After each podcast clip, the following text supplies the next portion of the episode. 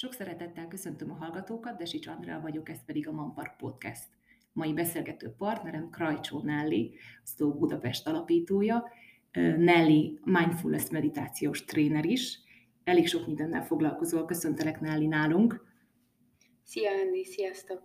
Örülök, hogy itt vagy. A fő beszélgetési vonalunk ma a slow parenting lesz, erről fogunk egy kicsit részletesebben beszélgetni. Az lenne a kérésem, hogy mielőtt még ebbe a témába belecsapnánk, egy picit mesélj arról, hogy te miért ezt a pályát választottad, hogyan keveredtél ide. Nem tudom, hogy ezt lehet a pályának hívni, ez, mhm. ez inkább olyan karrieres kérdésnek hangzik, de hogy, hogy miért választottam, vagy miért olyan fontos az életemben a lassítás, az, az nyilván egy, egy fontos kérdés. Tíz évvel ezelőtt indítottam el a Slow Budapestet, Igen. és ez igazából akkor arról szólt, hogy egyrészt a slow mozgalomról kezdjünk el beszélgetni, és a lassításról itthon Magyarországon. A slow mozgalom az a 80-as évek végén indult Olaszországból a slow food mozgalommal, és onnantól kezdve lettek különböző területei, ágai, slow design,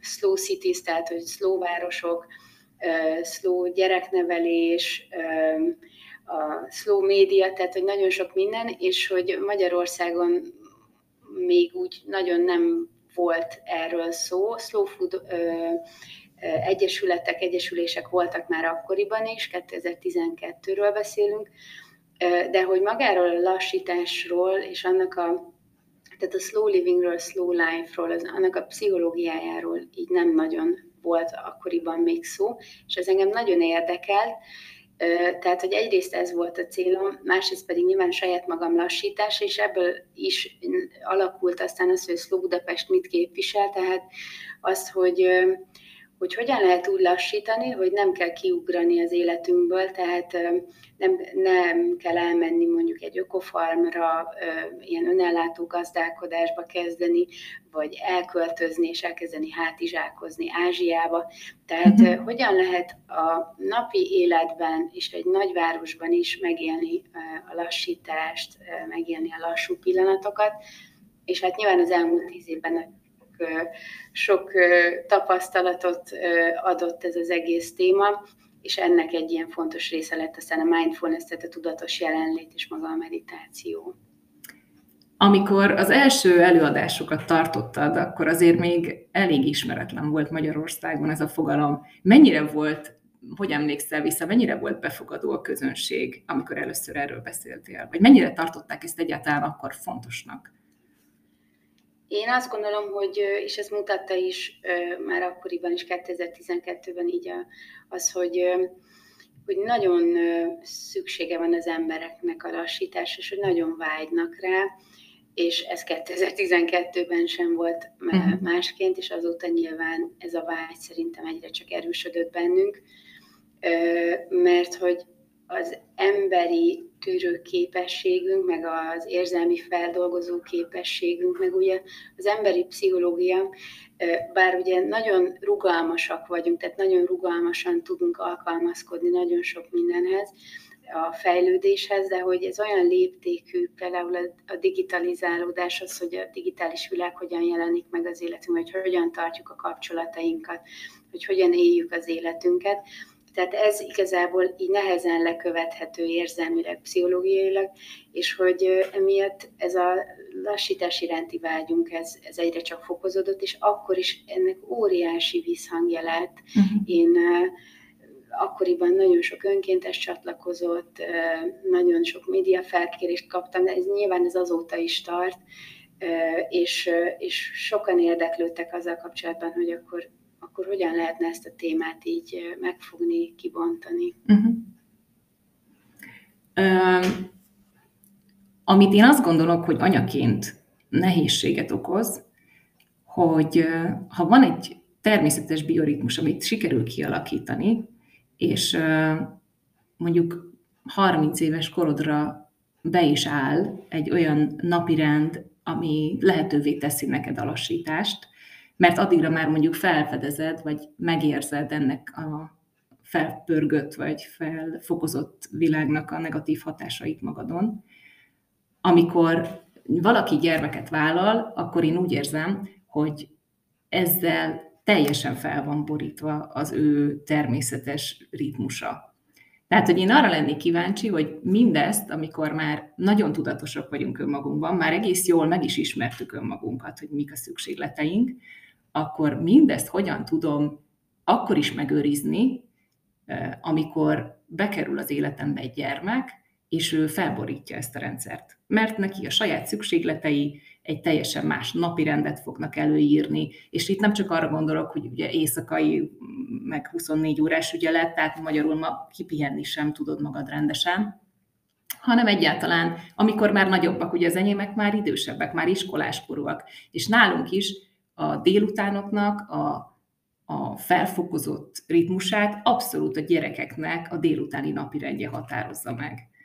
Tehát, hogy erre mit tudnál mondani, gyakorlati tanácsokat esetleg, ami így a felnőtteknél beválik, és az anyáknak is hasznos lehet? Én azt gondolom, és ezt el szoktam többször mindig mondani igazából, hogy nincs olyan, hogy eljutunk egy szintre, hogy elérünk egy szintre, amikor már hátradőlhetünk, hogy na most már slow vagyok, vagy na most már tudatos vagyok, na most már minden felmerülő kérdést, helyzetet én tök tudatosan és nyugodtan fogok tudni így kezelni.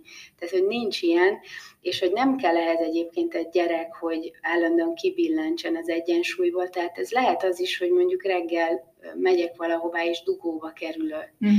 Az is ugyanúgy kibillent, és hogyha megnézed azt, hogy hogy a napot során hányféle inger ér, és mennyiféle helyzetben kell helytállnod, akkor azt lehet mondani, hogy folyamatosan a, a kibillentség az állapot. Uh-huh. Tehát, hogy kibillenteni az is, hogyha mondjuk rendelsz valamilyen ebédet, és hidegen hozzák ki, és az neked nem tetszik.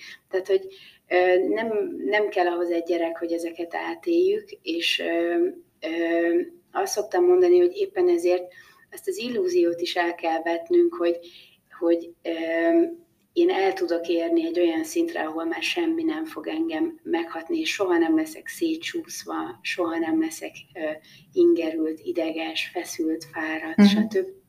Nyilván, hogyha elvonulnál egy barlangba tíz évre egyedül meditálni, akkor lehet, de egyébként akkor sem, mert ezzel kapcsolatban is van egy ilyen tévképzet, hogy, hogy aki meditál, az egy tök nyugodt ember, de mhm. hogyha becsukjuk a szemünket, akkor azt tudjuk, hogy ott igazából csak a saját életünk jelenik meg, mm. tehát attól még nem, fog, nem fogjuk elérni a nyugalmat. Én azt, azt képviselem, és magammal szemben is számomra az az, ami így beválik, hogy egyrészt így a adott pillanatra adott pillanattal foglalkozom, és nem elképzelések mentén próbálok megélni. Ezt jelenti igazából a jelenlét, hogy megfigyelem azt, hogy éppen most mi az, ami megmutatja magát, és ami kívánja a figyelmemet. És ez nem mindig az, hogy elfogadom, és nem tudom, hogy akkor megyek a flóba, hanem az, hogy van, amikor cselekvésre van szükség, van, amikor nemetmondásra, van, amikor hátralépésre és pihenésre. Tehát nem lehet azt mondani, hogy egy slow szülő az egész nap tökre jól van magával, gyerekekkel, stb., hanem ott is ennek van egy nagyon fontos ilyen körforgása, hogy reggel ne akarjál te, nem tudom, csendben üldögélni, és, és félórás meditációt végezni, mikor a gyereket ki kell valahogyan szedni az ágyból, rá kell venni, hogy öltözzön fel, hogy egyen, és aztán pedig elvinni őt a suliba, vagy elindítani. Tehát, hogy nem, akkor ennek nincs ott az ideje, hogy csendes perceket tartsunk, és minél inkább az elvárásaink azok távol, minél távolabb vannak a valóságtól, annál nagyobb lesz bennünk a feszültség. Uh-huh. Tehát én azt gondolom, hogy érdemes megnézni az, azt az adott élethelyzetet, amiben benne vagyunk, hogy ott az elvárások az, azok hol vannak, és hogy igazából ezt a feszültséget viszont mi tudjuk csökkenteni, azt a valóságot nem, hogy van egy gyerekünk, aki nagyon sok extra dolgot kíván tőlünk, de az elvárásokat, amik bennünk vannak, azokat tudjuk közelíteni a valósághoz.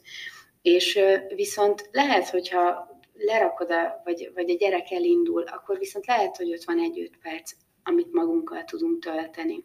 vagy mielőtt felvesszük őket. Uh-huh.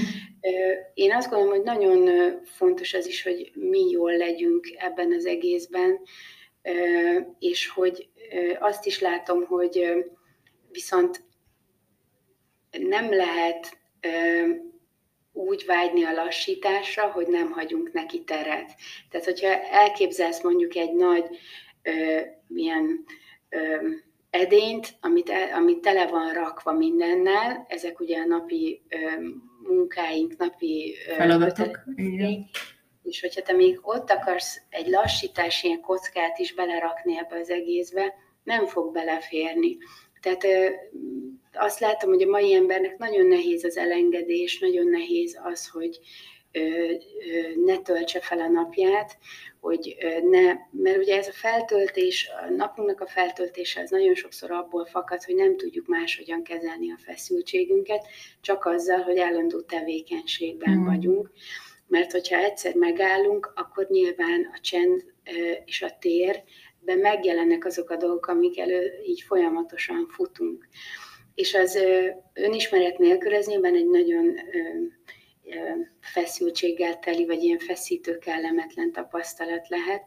Úgyhogy egyrészt az önismeret az egy nagyon fontos része ennek, hogy ismerjük meg magunkat, másrésztről pedig az, hogy, hogy megtanuljunk csendben lenni, magunkkal lenni, és hogy észrevegyük azt, hogy ez a ez tulajdonképpen egy tünete, ez a folyamatos elfoglaltság uh-huh. annak, hogy nem tudjuk a ránk zúduló stresszt megfelelően és a jelen időben kezelni, uh-huh. tehát ezt csak így rakjuk egymásra.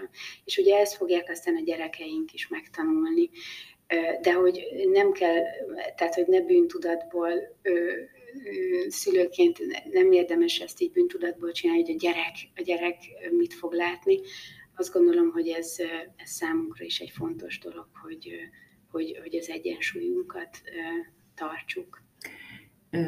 Egyébként szerintem velük is azért meg lehet beszélni, tehát hogy én kifejezetten kiszoktam hangsúlyozni, amikor én elmegyek jogázni például, hogy anyának is szüksége van a kikapcsolódásra, ez az, nekem is fontos az az idő, amit magamra fordítok, és hogy egész jól egyébként ezt megértik, tehát mondjuk ebből akkor azt szűrtem le, hogy igazából, ha a reggeli rohanás, engem például a reggeli rohanás borzasztóan ki tud billenteni. Tehát amikor késésben vagyunk, és mindenkinek az összes tucat gyorsan még összerakni, hiába keltünk korán, megint elment az idő, és amikor kimennek az ajtón, akkor tényleg egy ilyen óriás sóhajt veszek, hogy akkor végre mindenki elindult, és mindenki a helyén van, hogy akkor gyakorlatilag azt mondod, hogy ne arra törekedjek, hogy e- ez teljesen kibillentsen engem, hanem utána akkor szálljak erre 5-10 percet, hogy le tudjak nyugodni, üljek le, és akkor, és akkor próbáljak visszakerülni abba a nyugalmi állapotba, amiben mondjuk előtte, a felfordulás előtt voltam. Ö, igen, lehet így is, tehát, hogy de a nyugalom, a nyugalmat meg tudja egyébként előzni több minden, mégpedig az például, hogy van ennek egy öröme a felszabadulásnak, amikor el, elmennek, tehát hogy vége van ennek a reggeli pörgésnek, és hogy például erre érdemes tudatos figyelmet fordítani, hogy megéljük ezeket az örömöket a napunkban. Mm. Mert úgy működünk, úgy működik az elménk, hogy felhangosítja, felnagyítja a nehézségeket, a feszültséget, mm. a hiányt, és az összes ezzel járó szorongást és a stresszt, ráadásul újra és újra tudjuk élni ezeket, mert itt beszélgetünk most, de lehet, hogy közben elszembe jut egy gondolat, hogy mit kell még ma elintéznem, még nem járok ott, de én már most a jelenben stresszelek ezen, vagy eszembe jut most beszélgetés közben, hogy mit felejtettem el, vagy hogy milyen konfliktusom volt reggel, és megint elindul a stressz reakció. Uh-huh. Tehát, hogy nagyon fontos szerintem azzal foglalkozni, hogy megértsük azt, hogy hogyan működik az elménk, és például az, hogy a jelenben miért érdemes tartani a figyelmünket, tehát ezért, hogy ne éljük át feleslegesen a stresszünket, ugye emiatt alakul ki ez az állandó készenléti állapot, mm. és az, az állandó darálás élmény. Mm. és ez a mókus kerék, hogy egyszerűen nem tudunk megnyugodni, mert újra meg újra éljük a stresszünket a gondolatainknak köszönhetően.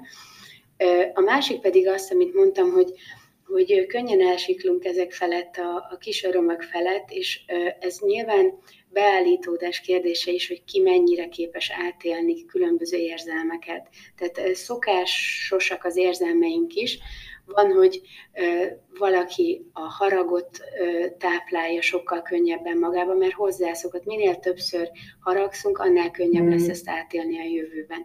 Van, aki mondjuk nem tanulta meg azt a szüleitől, hogy átélje az elégedettség érzését, vagy a hála érzését, vagy az öröm érzését, mert mondjuk le volt ez csavarva otthon. Tehát az anyukájánál is látta, hogy ő se engedi meg magának, uh-huh. és aztán emiatt ő is azt tanulta, hogy így kell akkor viselkedni. És ráadásul ugye még van ez, hogy az örömöt amúgy is, meg a pozitív érzelmeket nehezebben éljük át. Úgyhogy fontos az, hogy amikor leülünk, akkor csak mondjuk annyi, annyit megfigyelni, hogy ah, hogy megkönnyebbült a testem, uh-huh. vagy érzem a légzésemet. És aztán az, hogy wow, hogy itt most van egy öröm jelen, és hogy ez tök jó megélni.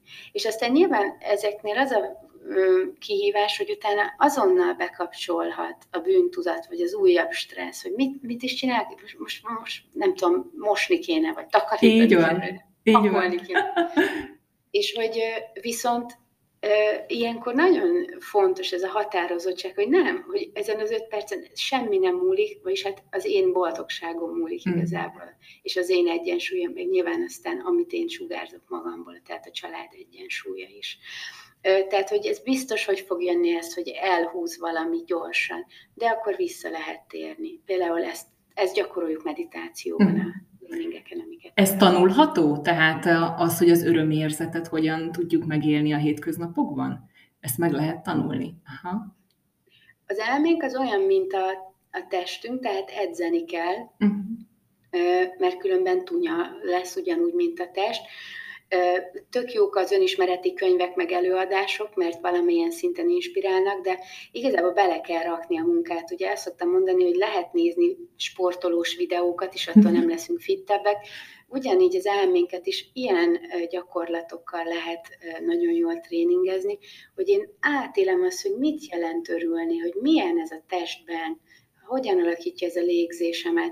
És azt is lehet csinálni, hogy felidézek, hogy amikor például nincs az, hogy pont most öröm van, de van egyébként öröm a szülők napjaiban is folyamatosan, vagy amikor a gyerekemmel vagyok, ott is egyébként nagyon sok örömteli pillanat jön. És ott is egy picit, ah, ez most egy örömteli pillanat, de fel is lehet idézni. Tehát, hogy becsukom a szemem, és azt kérdezem magamtól, hogy mi az, aminek örültem tegnap.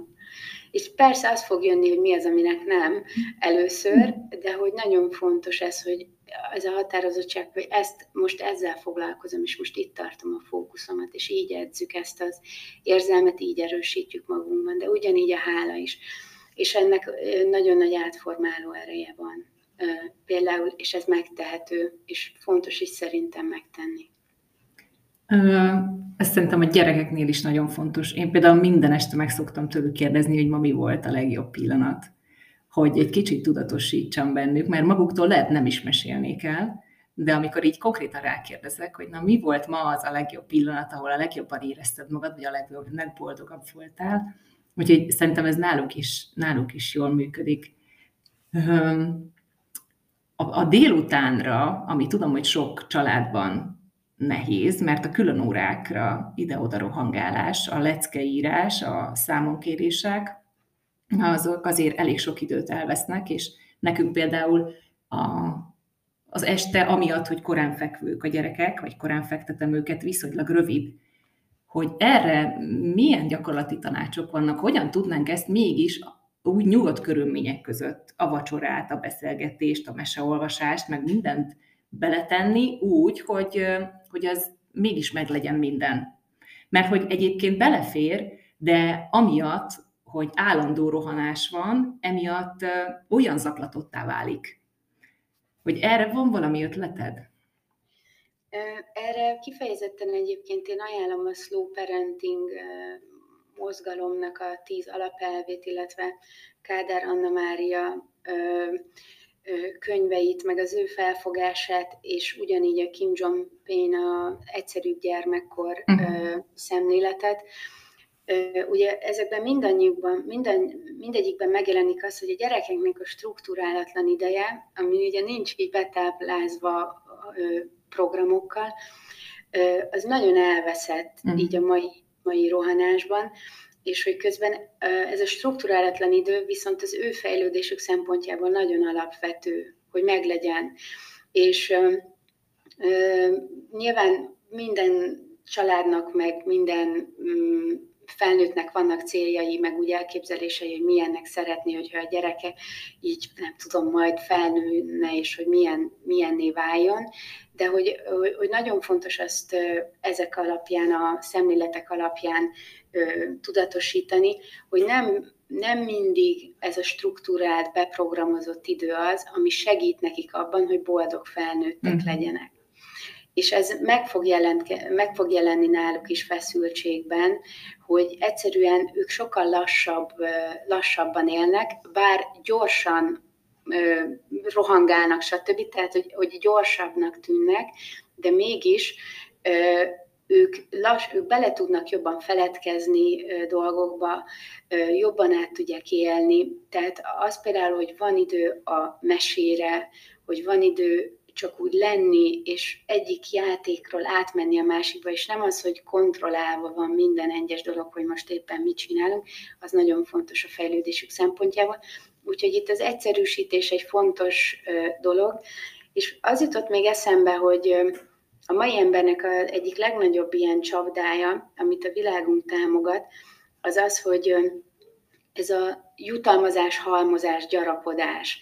Ez alapvetően egy vágyunk, hogy átéljük ezt, hogy, hogy, hogy évről évre gyarapodunk. Ugye mhm. ezért is van, tehát ezért is lesz egyszer csak családunk is, mert ez is része ennek a gyarapodási vágynak, és hogy viszont ez benne tart egy állandó mókuskerékbe, mert hogyha megfigyeled azt, hogy egy ponton már nem lesz elég az a kicsi sem, ami még mondjuk öt éve elég volt, hanem ez folyamatosan így nő. És a mai világban elérhető rengeteg program, gyerekeknek is, felnőtteknek is, hát ha csak a jogára vagy önismeretre gondolunk, hogy hány olyan könyv van, amit megveszünk, és el kéne olvasni, mert úgy gondoljuk, hogy jó nekünk, de hogy nincs időnk rá.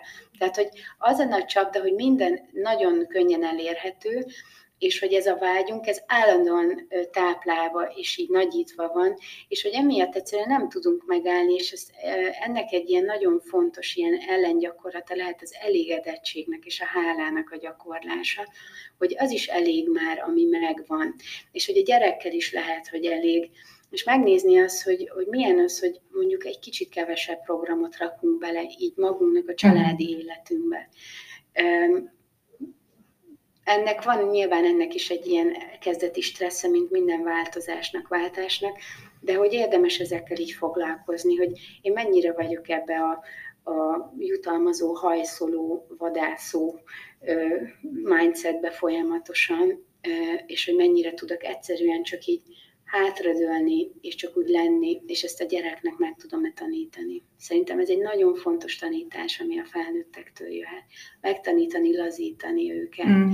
a, a, a kis testüket, vagy az, hogy csak annyi, hogy hopp, hogy lélegzünk, vagy, vagy, vagy csak annyi, hogy megfigyelünk valami kis kedvenc játékot, tárgyat. Szóval, hogy ezek, a, ezek az ilyen nyugi percek, ezek biztos, hogy fontosak a magára a hálára, meg a megelégedettség érzésre, arra szerinted hogyan lehet tanítani a gyerekeket? Mi lenne erre jó módszer? Szerintem úgy lehet erre tanítani, hogy a magunkat is, hogy, és amit te is csinálsz például, hogy mi, mi az, aminek örültél, illetve az, hogy ez a nem, nem betáblázása a napnak, hanem csak egyszerűen átadni magunkat egy délutánnak minden nélkül, vagy akár egy hétvégi napnak minden nélkül, és megnézni azt, hogy mit hoz a következő pillanat, és aztán mit hoz a következő pillanat, és aztán mit hoz ez is az. És tudom, hogy a gyerekeknél van egy napi rutin, amit kell ö, ö, ö, tartani, de hogy ugyanakkor vannak olyan időszakok, amikor, amikor őket is lehet hagyni, és, és megnézni azt, hogy, hogy így, így együtt egy kicsit tudatosabban, vagy csak például, hogyha azt kimentek a, a, a természetbe. És hogy ott nem célral elindulni egy 5 kilométeres sétára, vagy nem Igen. tudom, vagy, vagy, vagy sportolni, vagy, vagy, vagy nem tudom mit csinálni, hanem egyszerűen csak elindulni úgy, mint hogyha így bóklásznánk, uh-huh. és úgy, úgy eltölteni a délelőttöt, és nem céllal menni egyik pontból a másikba. Ez is nagyon-nagyon sokat tud segíteni abban, hogy megérezzék ezt a megelégedettség, ezt a megnyugvás érzését, hogy nem kell, ahova, nem kell ahhoz eljutni sehova, uh-huh. hogy én át tudjam élni azt, hogy minden rendben van. Uh-huh. És a gyerekek ebben nagyon nagy tanítók, mert ők ezt még sokkal jobban tudják, és sokkal jobban át tudják magukat adni ennek, mint mi, akik csak így céllal tudnak már Igen. elindulni, sétálni, ugye lépés, vagy lépésszámlálóval. Igen. Tehát, hogy, hogy, hogy ebben nagyon nagy tanítók ők egyébként. És türelmetlenné is válunk, tehát sétálunk, és akkor türelmetlenkedünk is, hogy már miért nem haladunk, és miért nem jutottunk már oda. Úgyhogy ez abszolút igaz, hogy ők szívesebben elszöszmötölnének akár egy-egy bogár vagy levél nézegetésével is, vagy csak úgy ott a, a, az erdőbe. Úgyhogy ez egy, ez egy nagyon jó módszer lehet, amit a gyakorlatban ki lehet próbálni. És ö, én tudom, hogy a szülőkre nagyon nagy nyomás nehezedik, és hogy ez fontos, hogy ö, ilyenkor is feszültséget életünk el, hogy mit kellene máshogy csinálni, mikor úgy érezzük, hogy már így is annyi mindent teszünk, de hogy így, hogy így még hogy lehet egy ezer egyedik dolgotra is figyelni, és azt is bevállalni.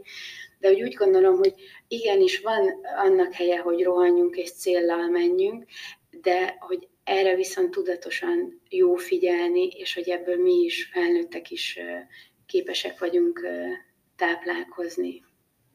Hát, hogyha ez egyszerűsíti az anyáknak az életét, meg megkönnyíti, akkor szerintem könnyebben vonzóvá válik a módszer. Tehát, hogyha saját magunkon megtapasztaljuk azt, hogy jé, ez mennyivel nyugalmasabban telt így ez a délelőtt vagy délután, vagy akár ez a hétvége, akkor az szerintem egy nagyon jó motiváció. Nagyon szépen köszönöm, Nelly, szuper jók voltak az ötletek, remélem, hogy sok mindenki merít majd belőle, úgyhogy nagyon örülök, hogy itt voltál. Én is köszönöm, minden jót nektek. Köszi.